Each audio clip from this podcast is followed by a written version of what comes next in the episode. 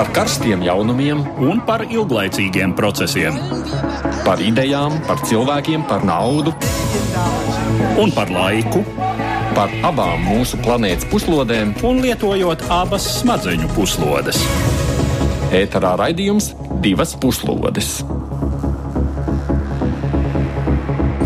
Labdien, ir šajā laikā jums saka, es Aidis Tomsons, Edvards Liniņš vēl šodien ir atvaļinājumā, tādēļ studijā esmu viens, nu kaut gan ne, neviens kopā ar saviem zinošajiem viesiem.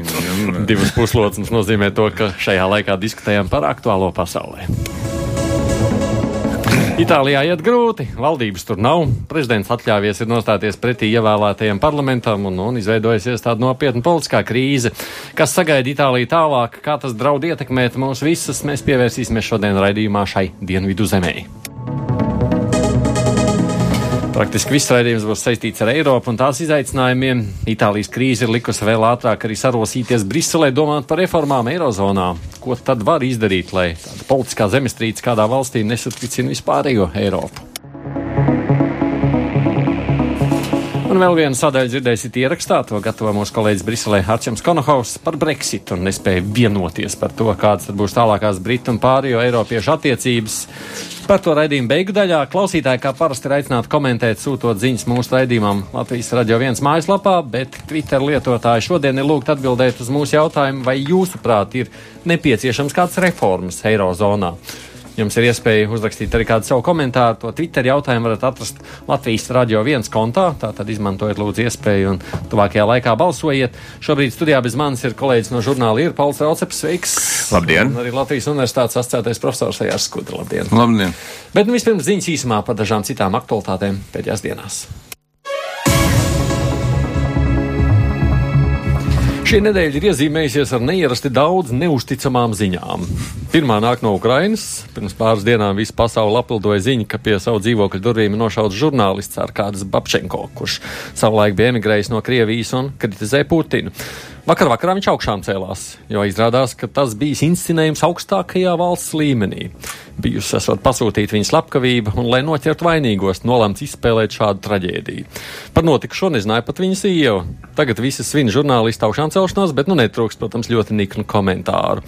Dosmīgi ir arī kolēģi, kuri uzskata, ka šādi tiek veicināta neusticēšanās presē. Galu galā mediji visā pasaulē ziņoja par slepkavību notikušajā vainojot Krieviju. Vēl viena ziņa, kurai nevar ticēt, ir nākusi no ASV. Donalds Trumps pagājušā nedēļā paziņoja, ka tikšanās ar Ziemeļkorejas līderi Kim Čenunu tiek atcelta. Ziemeļkorejas vadības uzvedība esot nepieņemama. Viss tika anulēts visaugstākajā līmenī, bet šonadēļ gatavošanās samitam turpinās. Mediji var tikai minēt, kā lai to visu interpretē.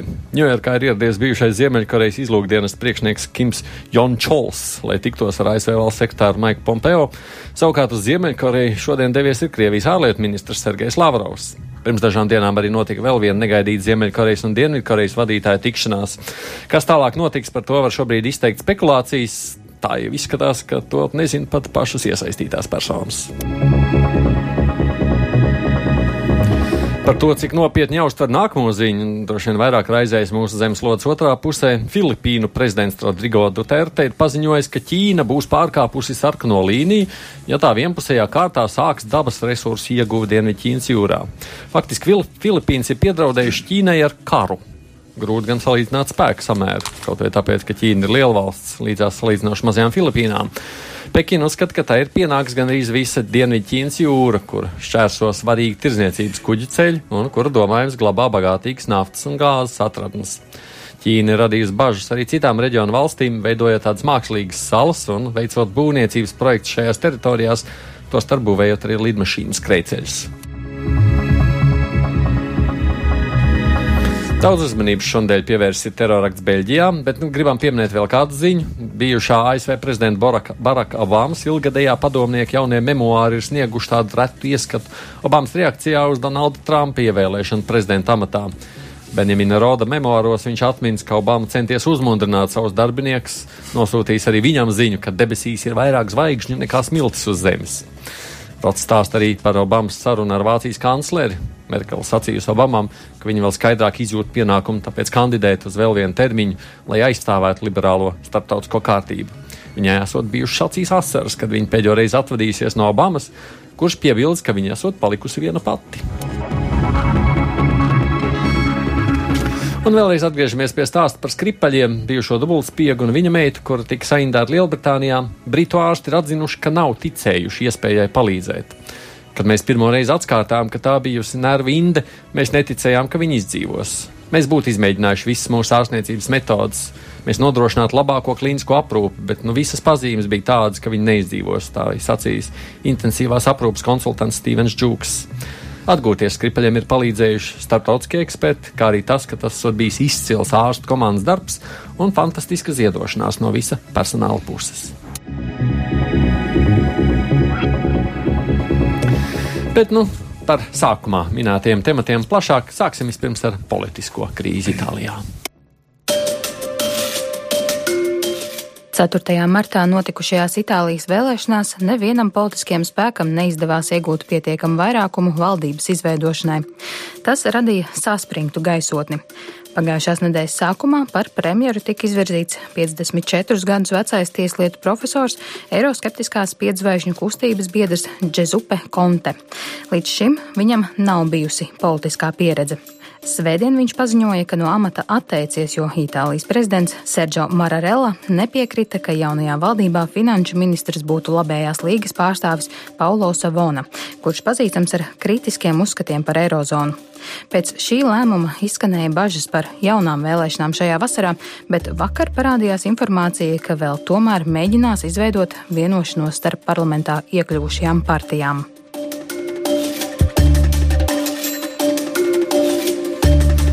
Atgādini, kopā ar mums ir arī Ojārs Skudra un Pauls Trauceps. Jūs prognozes izdosies izveidot jaunu valdību, vai tomēr būs ārkārtas vēlēšanas spēle? Ko? Uzskaitīja visas neprognozējumās lietas pasaulē, un tagad prasa pateikt prognozes, ka es pateikšu, un pēc stundas izrādīsies tieši pretēji, vai ne?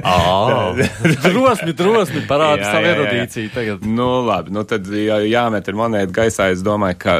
Mm, izskatās, ka tomēr varētu vienoties. Jo viens ir tas, ka tomēr tas uh, finanšu tirgus reakcija uz iespēju, ka varētu notikt ārkārtas vēlēšanas, bija īslaicīga tā reakcija bija, bet tomēr pietiekami spēcīga, ka jebkurš, kurš tagad uh, spiež uz ārkārtas vēlēšanām, viņam jāreikinās, ka uzreiz radīsies liels finanšu grūtības gan Itālijai kopumā, gan arī daudziem cilvēkiem individuāli, un tas varētu nu, radīt viņiem faktiski nelabēlīgu fondu, teiksim, tajās nākamajās. Tas, viņi tādā veidā domāja par šo. Uh, es domāju, viņi spiest par to domāt. Mēs redzam, ka, teiksim, ka pat tādas Grieķijā uh, Sirijas valdība, kur bija, nu, ar pilnu krūti gāja pret visiem finanšu tirgiem. Nu, pirmajos, mē, pirmajos mēnešos viņi par to reiz nedomāja. Es saprotu, un tad viņi tirgi. Bet vēl ir tikai pirmie mēneši. Iedarbojās, un tad, jā, nu jā, bet redz, viņi, teiksim, tā Es domāju, itāļi varbūt šādā ziņā ir apdomīgāki, un man liekas, ka arī viņi, nu, viņi redzēja to reakciju. Man liekas, ka tas, ir, ka tas varētu viņus ietekmēt. Uh, katrā, otrs ir tas, ka nav nemaz tik skaidrs, ir, ja mēģins tas ir pēc būtības viens spēks, kas tagad ir ieinteresēts ārkārtas vēlēšanās. Uh, tā ir bijusi Ziemeļa, tagad vienkārši līga, kas bija otrs partners šajā valdībā kopā ar Pieksvaigžņu kustību. Uh, viņu vadītājs uzskata, ka tajās vēlēšanās viņam varētu iet labāk. Uh, savukārt piecvaigžņu kustība acīm redzot nav ieinteresēta vēlēšanās, un nav izslēgts arī, ka ja sagrozās, varbūt tur varētu kaut kāda cita kombinācija iznākt parlamentā. Tā ka es domāju, ka, nu, 60% ka nebūs jaunas vēlēšanas. 60%. 60% nu, Tātad likums iespējas skudras kungam likt. tā tad, nu, tā tad, ja, ja mēs spriežam no tādām pozīcijām, ka politika ir kaut kāda racionāla nodarbošanās, tad, manuprāt, jāsaka, ka nu, viss liecina par to, visi fakti, dati liecina par to, ka tai valdībai ir jātop un ka to valdību jāveido, jāveido piecu zvaigžņu kustībai un līgai. Jo mm, deputātu palātā viņiem ir 55% balsu, un senātā viņiem ir 53% balsu. Nu, kur vēl labāka situācija? Līdz ar to, um, acīm redzot, tā vienīgā problēma, kur šķiet mm, pagaidām uh, risina, uh, ir jautājums par uh, eiroskepticismu un uh, un to, ka, teiksim, valdības programmā varētu būt punkts par to, ka principā tiek pieļauta iespēja sarīkot referendumu par izstāšanos no Eirozonas. vai pat referendumu par Eiropas Savienību. No acīm redzot, tas ir punkts, kuru aizkulisēs pieprasa, lai tas valdības programmā neparādās. Ja viņi ies uz šo kompromisu, jo, jo protams, abi tie spēki ir eiroskeptiski, Un, kas attiecas uz pieminēto Savonu, viņš ir arī liels Vācijas kritiķis, eh, kas arī bija vēl viens punkts, kas lika materiālam uh, izšķirties par viņu neakceptēšanu. Tā kā var sakot, eh, ja tāds kompromiss tiks panākts, ka viņi ar to nenodarbosies, kas nu nozīmētu Eiropas Savienības un Eirozonas graušanu no iekšienes, tad es domāju, visticamākais teiktu pie šī nosacījuma - 90% būs valdība. Bet tajā jūs sacītajā, jūs teicāt, ja politika būtu jāuzskata par racionālu, bet tas, tas klausīja šaubas tajā visā. Jā, jo raugi ir viens apstākļus, kas, nu, kur, protams, ir sarežģīti interpretēt no tālienes un nezinot ļoti detalizētu to situāciju. Tātad viņiem bija divi solījumi. Viens solījums, kā pazeminās pensionēšanās vecumu, Un otrs solījums, ka uh, visiem iedzīvotājiem tiks garantēts tā dēvētais pamatienākums, uh, kas principā nozīmē, ka deficīts visticamākais valsts parāds uh, vēl vairāk tiks palielināts. Vai arī ir referendums un ir lira. Un tad tā dzīve un šie solījumi izskatās jau savādāk.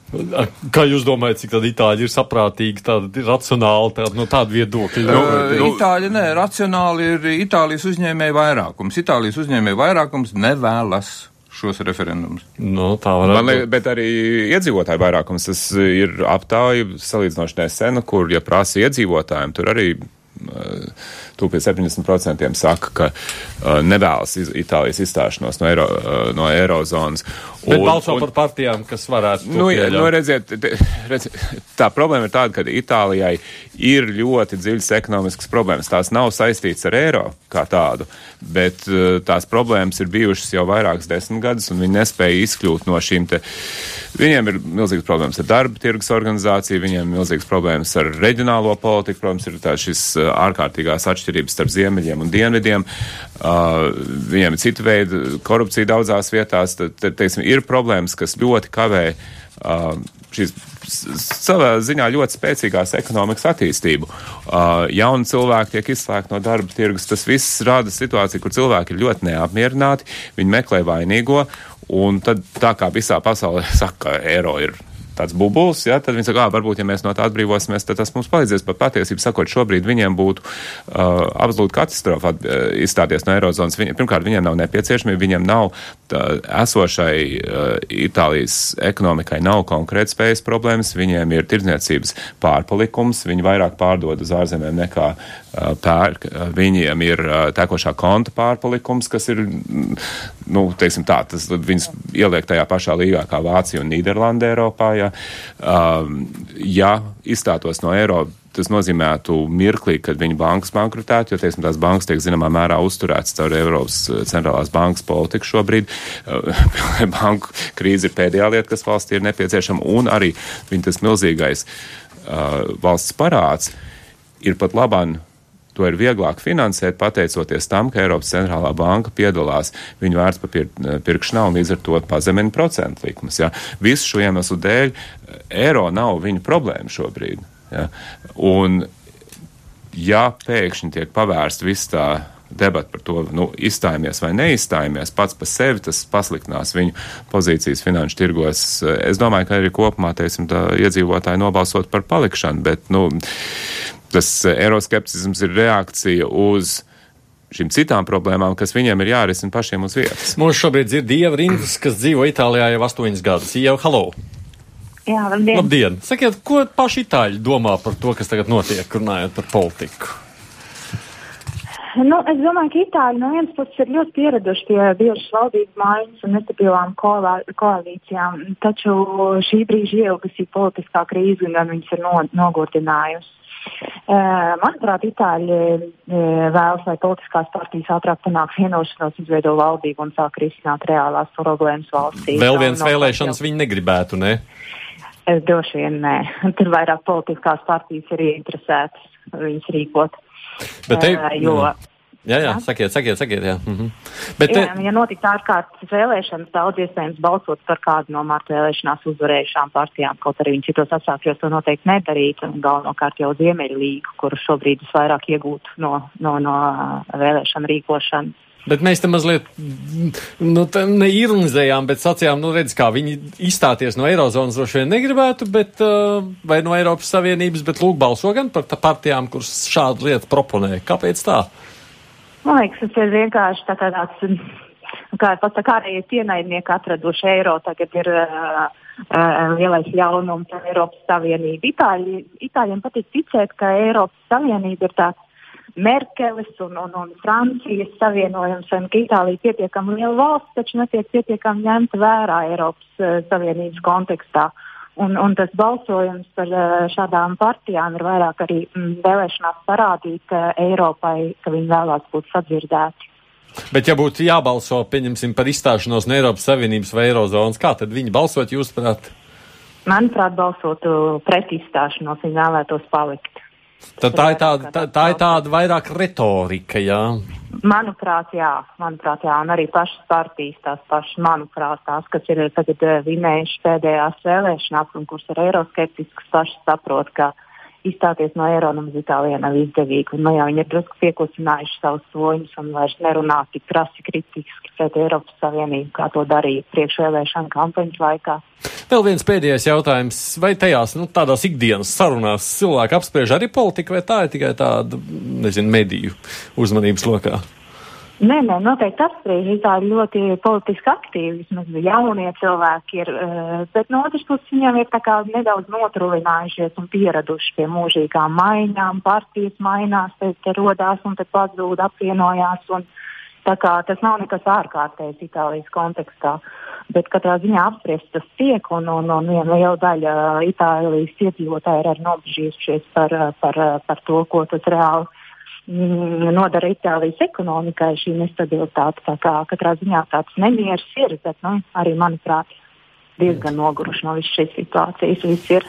Paldies! Paldies, Ieva Rimzas, kas dzīvo Itālijā. Skuduškungs šajā brīdī kratīja ar galvu, sakot, tajā brīdī, kad mēs runājam par Jā. eiro to Jā. referendumu. Jā, vārdu sakot, tā, tā pozīcija tur ir mazliet šizofrēniska, ja mēs skatāmies uz sabiedriskās domas, ja publiskā viedokļa aptaujas rezultātiem. Tātad, ja jautā, cik būtu gatavi balsot par izstāšanos no Eiropas Savienības, tad tas procents tiešām ir mazāks par 50 un diezgan stipri mazāks. Uh, vidējais rādītājs, protams, jā, tur tās atšķirības starp, uh, starp dienvidiem un ziemeļiem varētu būt ar, atkal būtisks, bet, ja viņiem jautā, vai viņi vēlas referendumu, par Itālijas līdzdalību Eiropas Savienībā, tad uh, Francijā, Itālijā, uh, Grieķijā un Spānijā vairāk kā 50% ir par referendumu jautājumā par palikšanu Eiropas Savienībā. Viņi grib referendumu, lai pateikt, ka viņi grib palikt Eiro. Tas, nu, tam es personīgi neticu. Nu, un, un vēl tikai viens skaitlis, teiksim, lai, lai, kas, kas liecina par to, ka tā lieta ir, nu, teiksim tā, ironiski izsakoties, traģikomiska. Ja? Itālijas ekonomikai ir viens no zemākajiem pieauguma tempiem. Viņiem gan ir pieauguma temps pagājušā gadā 1,5%, nē, es atvainojos šā gada prognozi 1,5%, bet no visas eirozonas valsts parāda Itālija viena pati dod 23%, kamēr ekonomiskais veikums, jeb eh, IKP no eirozonā, Itālijai ir tikai 15% tad parādā, parādā viņa ieguldījums ir par 8% lielāks nekā reālais ekonomiskais pienesums. Tā kā, un, un ekonomikas eh, izaugsme praktiski visu laiku ir ļoti zemā līmenī. Tā kā faktiski var teikt, tā ir tāda, nu to īsti nevar saukt par, par izaugsmi. Un, protams, ka tas izraisa daudz sociālas un ekonomiskas problēmas. Jā, bet šīs, šī problēma eksistē jau pirms tam, kad viņi iestājas Eirozonā. Es saku, tās ir dziļas struktūrāls problēmas. Faktiski tad, kad, tad, tad, kad mm -hmm. Itālija iestājās Eirozonā, Eirozonā. Uh, daudzi itāļu politiķi cerēja, ka tā eiro disciplīna piespiedīs Itālijai pašai šīs problēmas atrisināt, bet diemžēl tad drīz pēc tam sākās Berlusconi, nu, viņš jau bija tad pirms tam un atkal pēc tam, un vārds sakot, teiksim, tas, diemžēl, uh, tā disciplīna neko daudz Nā, nedēva. No, nu, par Itāliju arī lielā mērā turpināsim, tikai mazliet tiešām vairāk tieši pievēršoties šim te eirozonas kontekstam. Turpinoties politiskajam hausam Itālijā, ASV un Eiropas biržu indeksu un eiro vērtība pret ASV dolāru otrdien kritās. Finanšu eksperti norāda, ka ja vēl aprīlī Itālija varēja veikt aizņēmumu starptautiskajā finanšu tirgu uz desmit gadiem par 1,7% likmi gadā, tad maijā likme bija jau 2,3%. Vācijas laikraksts Der Tage Spiegel uzsvēra, ka finanšu krīze Itālijā var apdraudēt fiskālo stabilitāti Spānijā, Portugālē un pat Īrijā. Tāpēc Vācijai, Francijai un Itālijai vajadzētu rast gudru risinājumu Eirozonas reformām. Gaidāms, ka jūnija beigās Eiropas Savienības samita laikā Francijas prezidents Emanuels Makrons un Vācijas kanclere Angela Merkele nāks klajā ar savu Eiropas reformu plānu.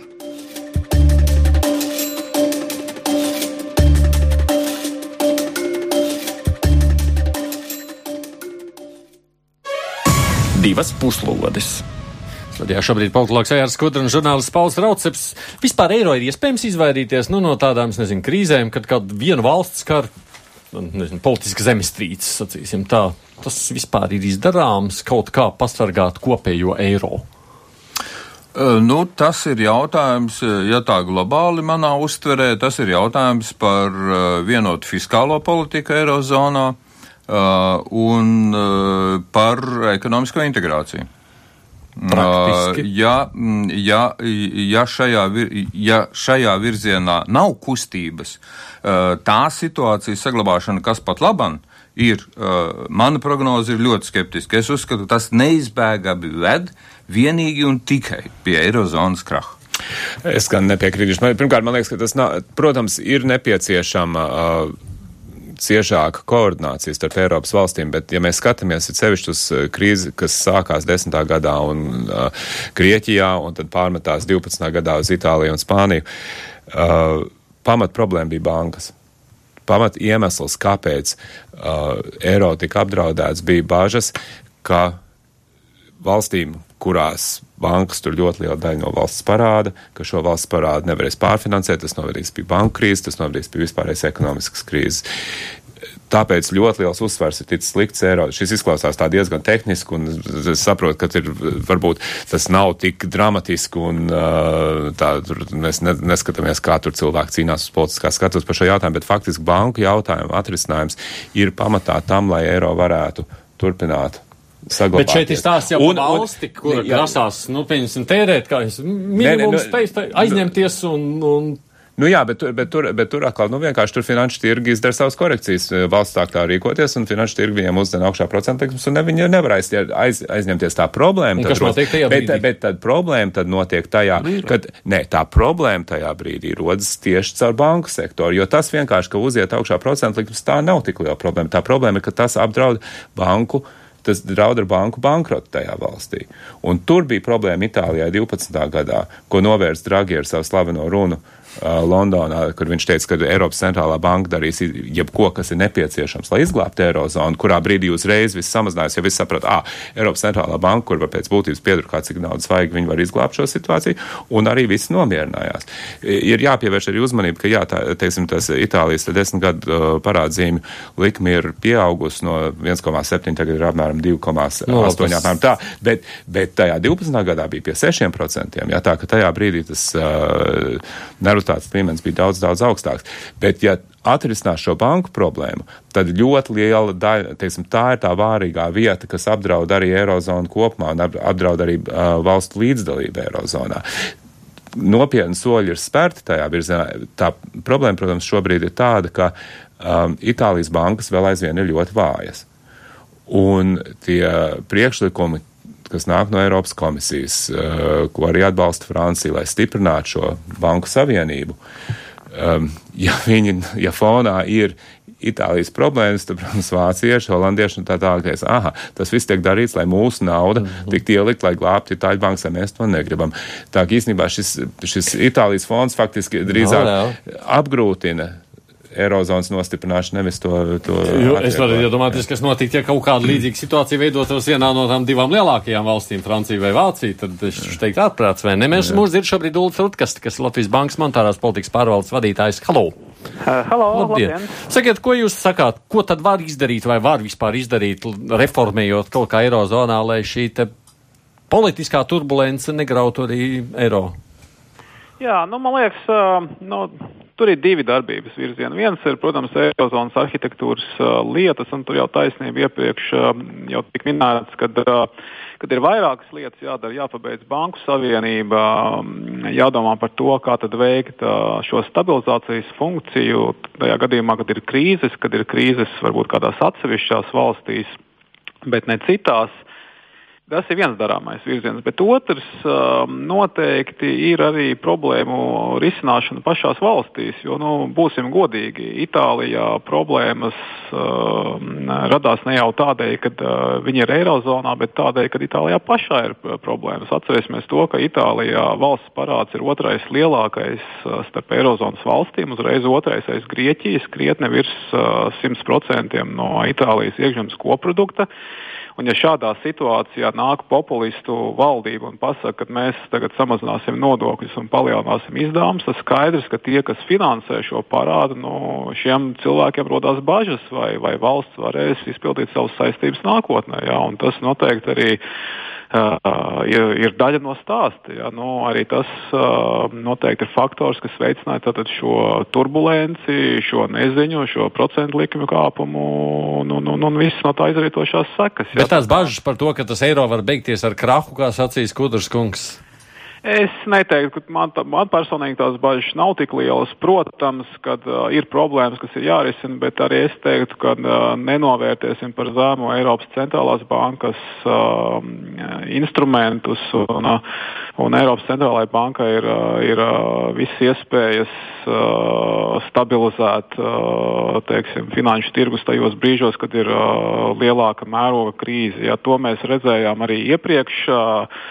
Kā jau arī iepriekš runātāji minēja, tad um, tajā brīdī, kad, kad šī situācija būtiski pasliktinājās, Eiropas centrālā banka iesaistījās. Un, un, un, ja mēs varam diskutēt par to, cik lielā mērā uh, Tātad šī kvantitīvā mīkstināšana ir ietekmējusi ekonomiku un, un, un inflāciju, un tur ir dažādi veidi. Par, nu, tā ietekmēšana tādā prasā, Skudraškungs prasa, nu, tas nozīmē drukāt eiro, vai ne? Nu, būtībā uz nu, devalvāciju. Jā, nu, tie instrumenti, instrumenti ir dažādi, bet, nu, protams, ka nu, tas, tas noteikti saistīts ar, ar to valsts parādzīmu uzpirkšanu, vai uh, tas varbūt uz dažādiem nosacījumiem, kā šobrīd kvantitīvā mīkstināšana, nu, teiksim, tur ir noteikti tātad šie mēneša maksimālie apjomi, tad tur katrs valsts centrālā banka pērk Uh, tos vērtspapīrus. Nu, ir arī citi instrumenti, kur ir teiksim, kaut kādi nosacījumi klāt, kad Eiropas centrālā banka var iesaistīties tajā brīdī, ja piemēram valstī ir grūtības un, un tad valsts teiksim, nu, ir, ir, ir programma gluži līdzīgi kā mūsu gadījumā, kad mums bija liela krīze, kad iesaistījās Starptautiskais valūtas fonds, Eiropas komisija un citas institūcijas un panāca ar, val, ar valsti, ar, ar mūsu vienošanos, ko mēs darīsim, lai, lai šo krīzi atrisinātu. Ja tādā, šādā gadījumā arī ir instrumenti, kad Eiropas centrālā banka var, var iesaistīties. Ja, tā kā, nu, es teiktu, ka nu, teiksim, tādi, ja vien politiski nenolēmj par to, ka nu, teiksim, Eirozonas nav vajadzīga, tad katra, katra valsts griežās pie savas valūtas. Jā. Ja tā nenotiek, tad, protams, Eirozonā vis, visticamāk nesabruks. Jā, nu, manuprāt. Jā, es saku paldies Ulas Rutkas, kas Latvijas Bankas monetārās politikas pārvaldes vadītājs. Nu, Skudraškungs nepiekrīt jums. Nepiekrītu, es viņam uh, nepiekrītu uh, par Itāliju divi aspekti, kas liecina par to, ka tur tā krīze ir uh, tāda, kura prasa pēc radikāla risinājuma. Un tie populistiskie spēki to radikālo risinājumu redz liras un izstāšanās virzienā. Uh, viņi ir gatavi piekāpties uz kādu laiku, lai risinātu citas problēmas, kas nodrošinātu uh, uzvaru nākamajās pirmstermiņa vēlēšanās, kuras būs visticamākais pirmstermiņa vēlēšanas, nevis tagad. Bet Eirozona jau teicāt, ka nebūs vēlēšanas. Bet, Eiro, bet Eirozona jau tāpēc nesabruktu, ne? Nē, nē, nē, nē, nē. Es, es teicu, ka nebūs vēlēšanas, ka visticamākais uh, lega un piecu zvaigžņu kustība izšķirsies nevis par, tā teikt, tehnokrātu valdību, bet par par savu valdību, bet tas nenozīmē, ka viņi nav gatavi pirmstermiņa vēlēšanām nākamgad. Tas to nenozīmē. Kāpēc viņi tā tad, valdību, tā tad, pēc gada? Tā tad, tāpēc, ka viņiem vajag pierādīt vēlētājiem, ka par viņiem vairāk jābalso nekā šobrīd ir nobalsojuši. Tas ir uh, loģiski. Nē, un tā ir vienīgā loģika, kas viņus vada. Droši vien, ka politiskā var skatīties uz jebkādiem instrumentiem. Jā, bet kas attiec uz Itālijas parādu? Tātad Itālijas parādu daļēji sedz Eiropas centrālā banka, uzpērkot viņa vērtspapīrus, un uh, valsts parādu kreditē tās kolēģi pieminētās uh, kritiski, kritiskā stāvoklī esošās Itālijas bankas, kuras arī pērk valsts uh, vērtspapīrus.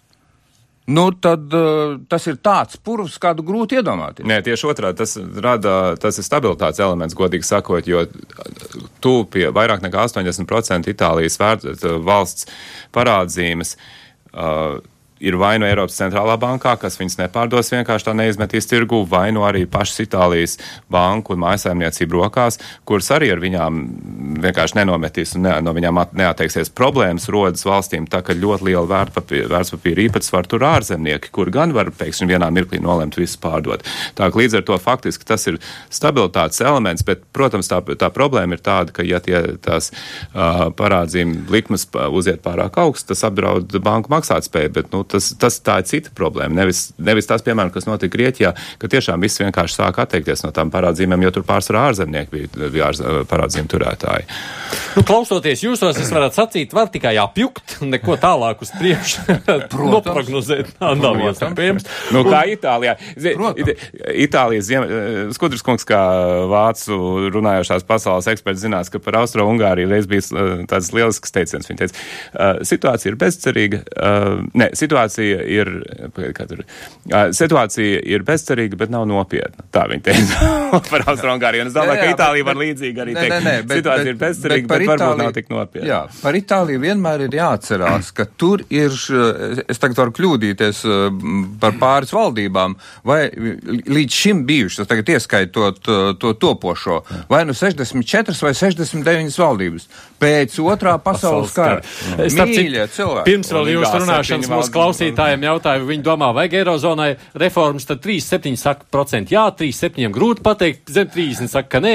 Mūsu klausītāji ir jau vēl pirms Līdzīgi jums bija apjukuši, vai ne? Tieši tādā pašā veidā. Nu, lūkojam, protams, Itālija, es domāju, mums vēl runāsim arī nākošajos raidījumos divās puslodēs. Paldies jums, ka atnācāt šeit uz šo raidījumu. Man diviem kolēģiem jāsaka paldies Ajārs Skudri, kurš ir Latvijas universitātes asociētais profesors un žurnāli ir žurnālists Pauls Raudseps. Paldies arī visiem, kas rakstījāt un komentējāt. Protams, skatos, cilvēki saka, Itālija vienmēr ir valsts, kur grib nonākt dažādās galējībās. Tā kā varētu arī tā uz šo lietu paskatīties. Uh, mūsu uzmanības tagad lokā ir vēl viens temats, ar kuru mēs tagad arī tālāk raidījumu šobrīd turpinām. Eironet Plus, Milāno, Zagreba, Brisele, Sofija, Rīga. Eironet Plus, vadošā Eiropas ziņu radiostaciju apvienība. Saprast Eiropu labāk!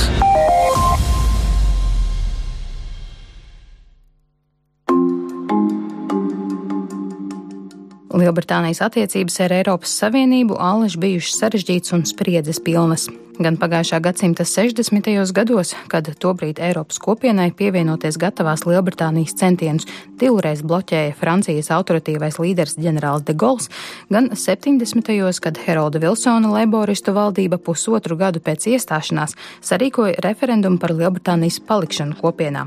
Šajā 1975. gada referendumā pārliecinošs vairākums 67% britu nobalsoja par palikšanu. Tomēr šajā referendumā izvirzītais antieiropiskais sauklis ārā un pasaulē, pretnostatot valsts piesaistību Eiropai un tās globālās iespējas, allaž bijis aktuāls lielai daļai britu sabiedrības. Lūkā dažas nozīmīgas britu sabiedrības antieiropeiskuma aspektus raksturo Eiropas parlamenta deputāts no Lielbritānijas Klots Morejs.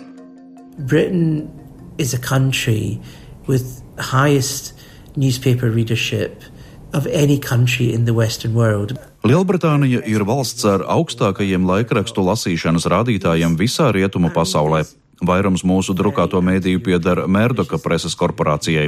Šie mūsu mēdīji ir ļoti antieiropeiski, krasi antieiropeiski, es pat teiktu slimīgi antieiropeiski. Mums Lielbritānijā bija situācija, kad gandrīz katru dienu, katru otro dienu parādījās šausmu stāsts par kādu Eiropas Savienības institūciju. Referenduma brīdī tādas institūcijas kā Eiropas parlaments, Eiropas komisija un tam līdzīgi bija tikušas diskreditētas savus 25 līdz 30 30 gadus. Ļaudis tās uzlūkoja kā pilnīgi korumpētas. Eiropas Savienība nevienam nepatika. To varēja atbalstīt ekonomisko labumu dēļ, taču arī tie bija pabojāti. Bija Grieķijas finanšu krīze, bija bēgļu krīze. Pēc Grieķijas finanšu krīzes, pēc bezdarba līmeņa kāpuma Spānijā un Itālijā cilvēki sāka ticēt presē, ka galvenais iemesls palikšanai Eiropas Savienībā ekonomiskais ir zudis that in fact being in the European Union, the main cause of, to be in the European Union, which is economic for the UK, that main factor had gone. Added to this, in the European Union, unlike countries like France or other countries where Vēl Lielbritānija atšķiras no Francijas vai citām valstīm, kur arī pastāv eiroskepticisms, bet Britu eiroskepticisms ir tāds, ka jūs varat būt cilvēks ar augstāko izglītību, žurnālists un pie tam ļoti maz zināt par Eiropas Savienību. Eiropas Savienība kā tāda Lielbritānijā nav īpaši pamanāma. Viens piemērs. Pie publiskām ēkām Lielbritānijā allaž ir britu karoks, bet nekad un nekur Eiropas karoks. Ja kāda celtne vai projekts, teiksim, īrijā, tiek finansēts no Eiropas Savienības līdzekļiem, pie tā būs redzama attiecīgā Eiropas Savienības simbolika. Lielbritānijā tā nav un nekad nav bijis. Cilvēki uzskatāmi neko nevelta Eiropai. It's not existing in Britain, it never has.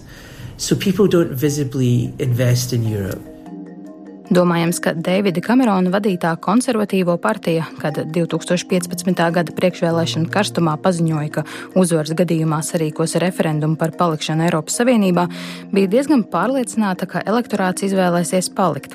Visdrīzāk netika novērtēta Britu sabiedrības nepatika pret migrāciju, kur vēl uzkurināja tieši referendumu laikā uzliesmojusī bēgļu krīze, un tika pārvērtēta Britu izpratne par Savienības sniegtajām ekonomiskajām priekšrocībām. Tā nu 16. gada 23. jūnijā nepilni 52% referendumu dalībnieku nobalsoja par Lielbritānijas izstāšanos no Eiropas Savienības, kam jānotiek pusnaktī uz 2019. gada 30. martu pēc vidus Eiropas laika. Līdz tam gan vēl jātiek galā ar šķiršanās noteikumiem. Lai uzzinātu vairāk par to, kā veicas Brexit sarunās, piedāvājam noklausīties diskusiju ar galveno Eiropas Savienības Brexit sarunvedēju Mišelu Barņē, kurš pagājušā nedēļā piedalījās Eironet Plus samitā. Turpina Briseles kolēģis Deivs Kītings. Now, our discussion comes at a very important point.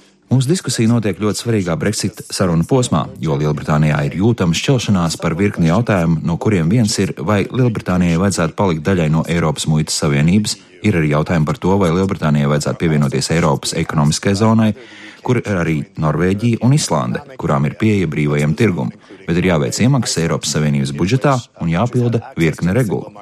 Ir palicis mazāk nekā gads, bet mums vēl nav skaidrs, kā izskatīsies Eiropas Savienības Lielbritānijas attiecības pēc Brexit. Man šķiet, ka mums ir četri iespējami scenāriji. Smagais Brexit, kur Lielbritānijai nav pieejas brīvajam tirgumam, tad ir brīvās tirdzniecības līgums starp Eiropas Savienību un Lielbritāniju, kur tai ir pieeja daļai brīvā tirgus. Trešā opcija ir pievienošanās Eiropas ekonomiskajai zonai, kur tai ir pilnīgi pieeja tirgumam, bet nav balstiesību.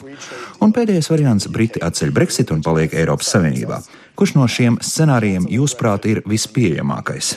So let me ask, in terms of where we are right now in the negotiations, which of those four scenarios do you think is most likely? Uh, first of all, this negotiation is very complex. Pirmkārt, šīs sarunas ir ļoti sarežģītas. Neparastas, bet sarežģītas. Lai tās vienkāršot un saprast, mums ir jāsaliek lietas pareizā secībā. Šobrīd mums ir jāfinalizē izstāšanās vienošanās. Jāsaka, ka mans variants vienmēr kopš pirmās dienas ir bijis izstāšanās līgums un šķiršanās. Tas ir mērķis līguma uzmetumam, ko pirms pusotra mēneša esam likuši galdā. Mēs daudz strādājam ar britu pārstāvjiem, kuri ir ļoti profesionāli, un šobrīd mums ir izdevies vienoties par apmēram 70 25% šīs izstāšanās vienošanās uzmetuma punktiem. Bet atlikušie punkti ir ļoti būtiski, piemēram, īrijas un ziemeļīrijas robežas situācija. Ja mums izdosies vienoties par šo izstāšanās līgumu oktobrī vai novembrī, nākamais solis būs tā ratifikācija. No mūsu puses Eiropas padomēji, Eiropas parlamentam un no Britu puses Lielbritānijas parlamentam tas būs jāratificē. Tad martā Briti izstājas. Ja mums viss izdodas, tad martā sāksies 21 mēnešu mēnesi ilgs pārejas periods, kuru laikā Briti paliek Eiropas brīvajā tirgu un muitas savienībā. Tātad būs spēkā arī savienības noteikumi. Un mums būs laiks sarunām par nākotnes modeli. Jebkurā gadījumā labākais veids nākotnē būtu Britiem saglabāt dalību Eiropas Savienībā. Otrs labākais variants - Norvēģijas modelis, proti, būt daļai no Eiropas brīvā tirgus, bet nebūt daļai no Eiropas Savienības. Pēdējais variants būtu brīvās tirzniecības līgums, līdzīgs tiem, ko pavisam nesen esam noslēguši ar Japānu, Dienvidkoreju un Kanādu.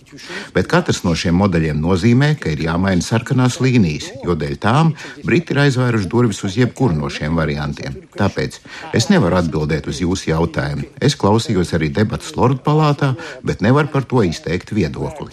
But I, I'm, not to express an opinion at this point. I'm I mean, what is your assessment about the feasibility of the UK joining the EEA?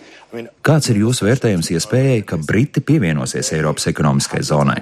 Jūs sarunās ar Norvēģiju un Islandi, vai viņi izrāda prieku par iespēju, ka Briti varētu pievienoties Eiropas ekonomiskajai zonai? Vai tā fundamentāli mainītos, ja Briti tai pievienotos? Šī iespēja ir tā teikt uz galda, bet katram modelim ir savs tiesību un pienākumu balanss. Un runājot par Norvēģiju, Islandu un Liechtensteinu, viņi var piekrist, ka Briti pievienojas, bet pie tādiem pašiem noteikumiem, tādam pašam tiesību un pienākumu balansam.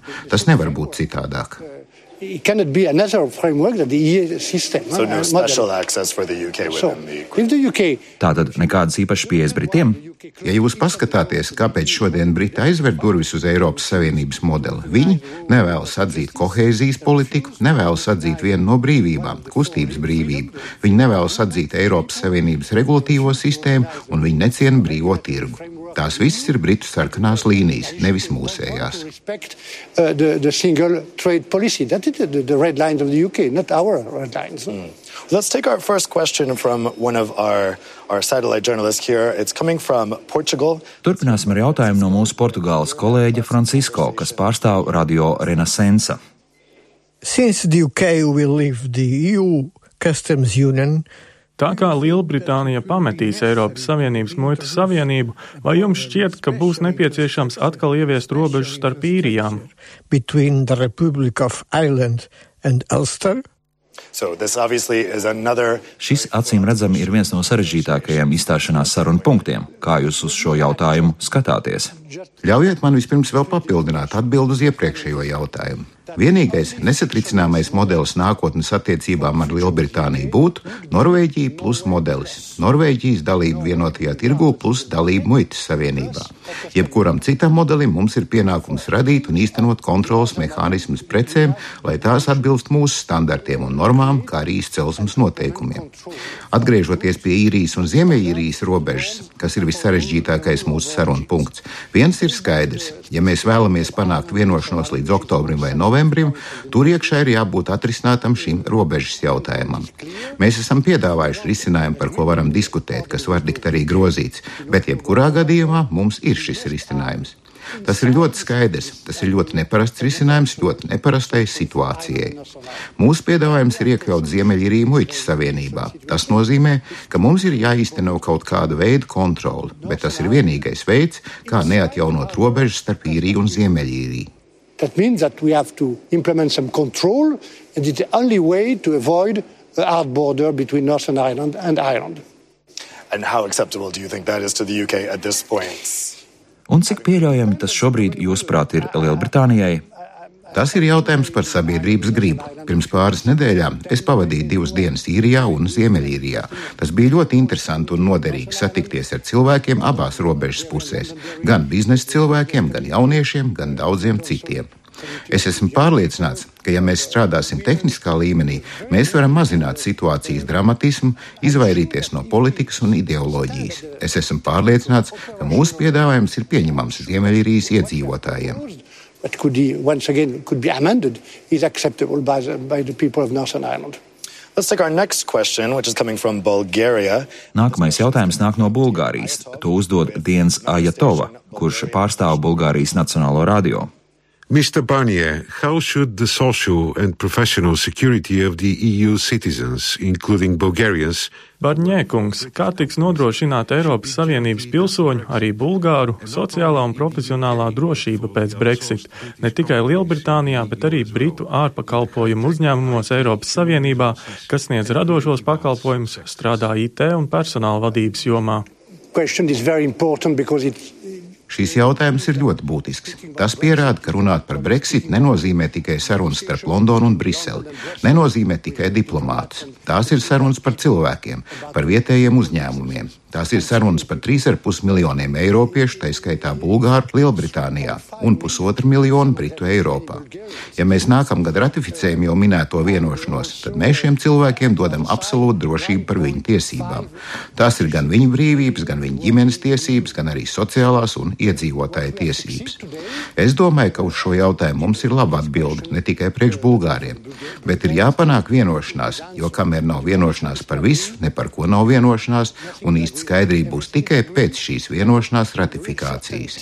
For all these details will, give, will come with the ratification of this treaty next year, at the beginning of next year. So you're convinced that if Tātad jūs esat pārliecināts, ka, ja šīs vienošanās teksts tiks apstiprināts, jūs varat nodrošināt Eiropas Savienības pilsoņu drošību? My answer is yes. Mana atbilde ir jā.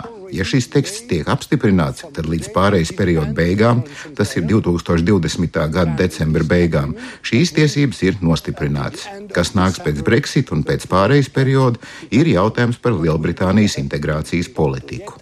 The future uh, immigration policy in UK. This is from our social media monitoring partner Brandwatch. Mūsu sociālo mediju monitoringa partneris Brandwatch ir apskatījis, kā Brexit sarunas izvēršas sociālajos tīklos. Viņi ir pārbaudījuši, cik bieži tiek pieminēts jūsu vārds un cik bieži Britu galvenā Brexit sarunvedēja Davida Deividsa vārds. Viņi uzzināja, ka starp visām sarunām, kas piemin Brexit un vienu no jums abiem, 94% gadījumu piemin jūsu vārdu, bet tikai 6% piemin Deividsu. Kāpēc, jūsuprāt, jūs tiekat tieši asociēts ar Brexit, īpaši Lielbritānijā? You have become so famously associated with Brexit, particularly in the UK. We don't negotiate on, on Twitter. Huh? Mēs Twitterī nesarunājamies. Twitters ir noderīgs un pat nepieciešams, lai komentētu, lai iedzīvotājiem skaidrotu dažādos sarunu posmus un jautājumus, lai nodrošinātu caurspīdīgumu. Bet mēs nesarunājamies Twitterī. Es nezinu, kā jums atbildēt. Varbūt jums tas ir jāprasa Davidam Davidsonam. Perhaps we can ask this question to David Davis. Huh? Perhaps. Well, it is a very closely watched issue here in Brussels. We're not... Brexit sarunām tiek ļoti cieši sekots šeit, Briselē. Mēs neesam pieraduši, ka šādām sarunām tiek cik cieši sekots. Vai jūs jūtat spiedienu no sociālajiem tīkliem, no pilsoņiem? Šīs sarunas ir sevišķas un sarežģītas. Tās nevar būt slepenas, tām ir jābūt publiski apspriestām. Brexit ir ļoti nopietns jautājums. Tam, ka tik daudz cilvēku Lielbritānijā ir nobalsojuši pret Eiropu, ir sekas. Tam ir ļoti nopietnas sekas - sociālas, cilvēcīgas, juridiskas, finansiālas, ekonomiskas un tehniskas sekas. Bet no Brexit mēs varam arī mācīties. Tas ir iemesls, kāpēc es vēlos, lai šis laiks tiktu izmantots debatēm, kurās tiek skaidrots, ko nozīmē būt daļai no Eiropas Savienības un ko nozīmē no tās izstāties, kādas tam ir sekas. Mums ir jāmācās, bet es vēlos izteikties skaidri. Brexitam nav nekādas pievienotās vērtības. Līdz šim brīdim neviens man nav spējis pierādīt pierādījumus, kas apliecinātu pretējo. And until now, nobody has been able to prove, to give me the proof that there is an added value to Brexit. Well, we can take our next question live. This question is going to be coming live from Latvia. Nākamais jautājums mums ir no Ginta no Latvijas radio. Iespējams, būsiet dzirdējis par ABLV bankas lietu Latvijā. Banka nesen sabruka pēc savienoto valstu apsūdzībām par naudas atmazgāšanu, tostarp saitēm ar Kremlim draudzīgiem oligarhiem. Tagad viens no jautājumiem ir, kur iepriekš ABLV bankā turētā nauda aizplūdīs. Ir kas saka, ka ļoti iespējams tā atradīs ceļu atpakaļ uz Eiropas Savienību un ļoti iespējams tieši uz apvienoto karalisti. Kā izvairīties no tā, ka pēc Brexita Lielbritānija iespējams kļūs par offshore ārzonu, uz kuru plūst netīrā nauda, un vai Eiropas Savienība maz ko var darīt šajā jautājumā? I know this case, but I don't want to comment. Es zinu šo gadījumu, bet nevēlos to komentēt. Tas nav mans uzdevums kā sarunvedējam komentēt šo konkrēto jautājumu. Es varu teikt tikai to, ka visi Eiropas Savienības, tā skaitā Lielbritānijas noteikumi ir ļoti būtiski, un kā bijušais iekšējā tirgus un pakalpojumu komisārs, es daudz esmu strādājis pie regulējuma pārstrādāšanas, lai mēs mācītos no krīzes un sargātu mūsu kopīgo labumu - finansiālo stabilitāti. Priekš visām dalību valstīm, tā skaitā priekš Latvijas. Lieta ir tāda, ka mēs nezinām, kādas attiecības mums būs ar Lielbritāniju pēc Brexit. Ja mēs vēlamies spēcīgu partnerību, un tas ir mans mērķis, veidot šo spēcīgo partnerību ne tikai tirzniecībā, bet arī iekšējā drošībā, ārējā drošībā, ārlietu jautājumos, mums būs jābūt pārliecinātiem, ka mēs varam izvairīties no dempinga. Mums būs jāstrādā pie īstā risinājuma, lai visiem spēlētājiem būtu vienlīdzīgi spēles noteikumi. Un tas ir ļoti būtiski. Ne tikai vienlīdzīgiem spēles noteikumiem, bet ekonomikai. Tas ir arī būtiski tāpēc, ka tas var tikt iestrādāts arī vairākos citos starpvalstu līgumos. Un jāatceras, ka katru līgumu ir jāratificē ne tikai Eiropas parlamentam, bet visiem 27 Eiropas Savienības dalību valstu parlamentiem, tā izskaitā arī Latvijas. Un tas nozīmē, ka mums ir jābūt ļoti uzmanīgiem gan ar dempingu, gan ar vienlīdzīgiem spēles noteikumiem ar Lielbritāniju.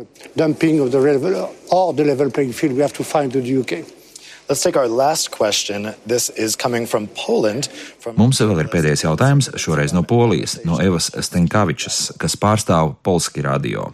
Considering Brexit in a broader sense, Domājot par Brexit plašāk, daži poļi ir noraizējušies par mehānismiem, kas var tikt izveidoti līdz ar Britu izstāšanos.